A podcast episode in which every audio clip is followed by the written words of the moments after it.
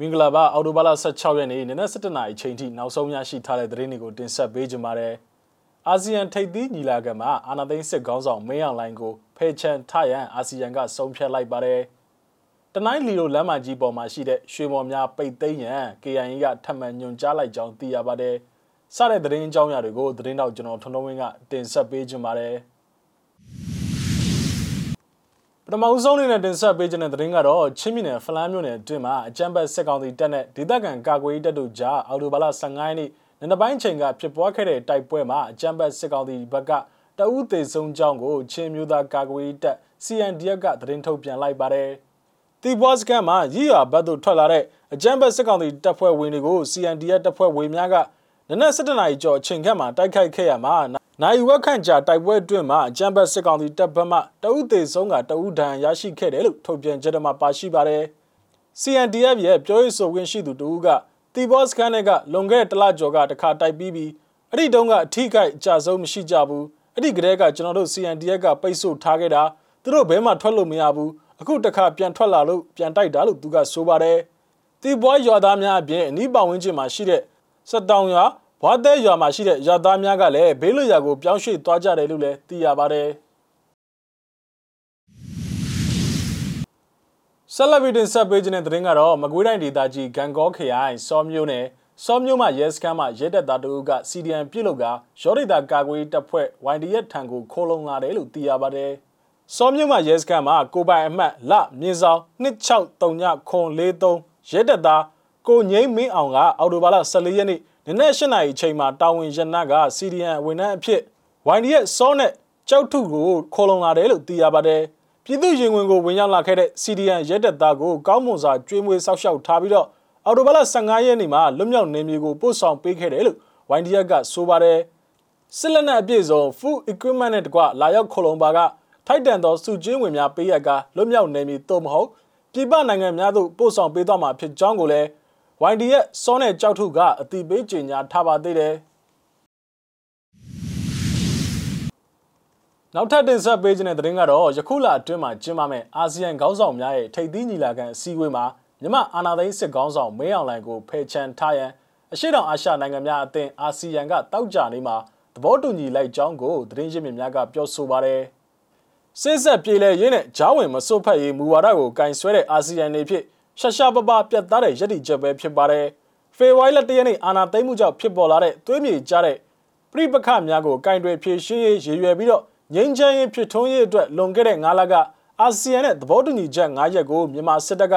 ဖော်ဆောင်ရန်ပြက်ကွက်တာကိုအရေးယူဆောင်ရွက်ရန်အထူးစည်းဝေးတရက်မှာနိုင်ငံခြားရေးဝန်ကြီးများကဆုံးဖြတ်ခဲ့ကြောင်းသိရပါတယ်။နုနယ်လာတဲ့ဒီမိုကရေစီခေတ်စနစ်တာကိုညီကုန်းချုပ်စီခဲ့က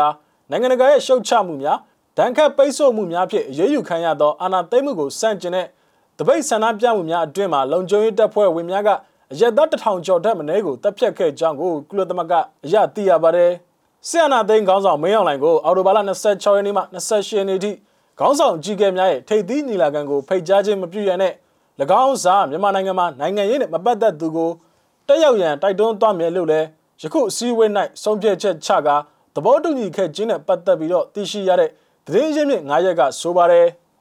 သတင်းရင်းမြစ်2ရက်ကရိုက်တာတို့ပြောရမှာစစ်တပ်ကိုလက်မခံရန်စီစဉ်ထားပြီးတော့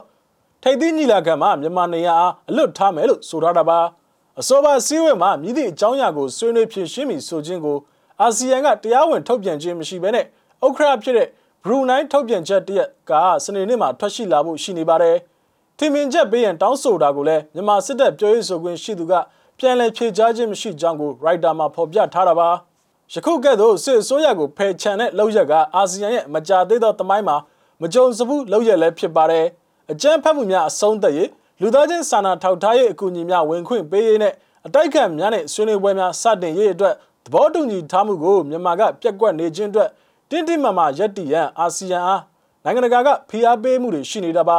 1998ခုနှစ်အာဆီယံကိုမြန်မာနိုင်ငံအနေဖြင့်ဝင်ရောက်ချိန်မှစတင်ပြီးတော့မြန်မာရေးရာအာဆီယံမှာသဘောထားအကွဲလဲဆုံးဖြစ်ပြီးတော့ အာဆီယံရဲ့စီးလုံးမှုနဲ့နိုင်ငံတကာရဲ့ယုံကြည်မှုတို့အတွက်စံသက်ချက်ဖြစ်နေပါတယ်နောက်ဆုံးနေ့နဲ့တင်ဆက်ပေးခြင်းတဲ့သတင်းကတော့တနိုင်းလီတိုလမ်းမကြီးပေါ်မှာရှိတဲ့ရွှေတုဖော်ရေးလုပ်ငန်းများအားလုံးကိုအော်တိုဘာလ20ရက်နေ့မတိုင်မီရက်ဆိုင်ထားကြဖို့ကိုကချင်လွတ်မြောက်ရေးတပ်မတော် KIA ကထပ်မံညွှန်ကြားတတိပေးထားကြောင်းကိုဒေသခံများထံမှသိရပါတယ်။အကြမ်းမဲ့စစ်ကောင်စီတပ်များစစ်ရေးလှုပ်ရှားမှုကြောင့်စစ်ဖြစ်လာနိုင်ခြေရှိတဲ့အတွက် ဒေသတွင်းပြည်သူစစ်ဖွဲ့များကငွေကြေးအကျိုးမြတ်ရနေတယ်လို့ဒေသခံများကပြောဆိုနေကြတဲ့ရွှေမော်များမှာလောက်ကန်နေတဲ့လုံသားများကိုတိန့်ရှောင်ကြရန်ဖြစ်တယ်လို့ဆိုရတာပါပိတ်ခိုင်းထားတဲ့ရွှေမော်များမှာ KIA တပ်မဟာနှစ်စစ်ရေးလှုပ်ရှားမှုရှိတဲ့ဒုဆက်ကျေးရွာနီးတစ်ဝိုက်မှာရှိတဲ့ဝါခါဂျာဝန်လော်ဂျာကိုင်းတော်ယူဇနာလောက်ကွက်နဲ့ဘန်ကောက်ကျေးရွာနီးမှာတည်ရှိပါတယ်လွန်ခဲ့တဲ့သတင်းပတ်ကလည်းတနိုင်းမြို့မှာရှိတဲ့ဒေသဆိုင်ရာကုတ်ကဲမှုစစ်ဌာနချုပ်ရဲ့ စခန်းကိုရိတ်ခါတည်ပို့လာတဲ့စစ်ကောင်စီရင်တန်းကိုဘန်ကောက်ကျောက်မှာ KIA ကမိုင်းခွဲတိုက်ခိုက်ခဲ့ပြီးတော့နောက်ပိုင်းပြည်သူစစ်ကိန်းနဲ့နှီးကဲတဲ့စံပြအောက်ရဘန်ကောက်အစရှိတဲ့နေရာများမှာစစ်ဆေးမှုများပုံမတင်းကျပ်လာနေတယ်လို့ဒေသခံများကပြောဆိုပါတယ်။တနိုင်းဟူကောင်းဒေသဟာရွှေနဲ့ပရင်တဘာဝတန်ဇာရများအထူးတွက်ရှိတဲ့ဒေသတစ်ခုလည်းဖြစ်ပါတယ်။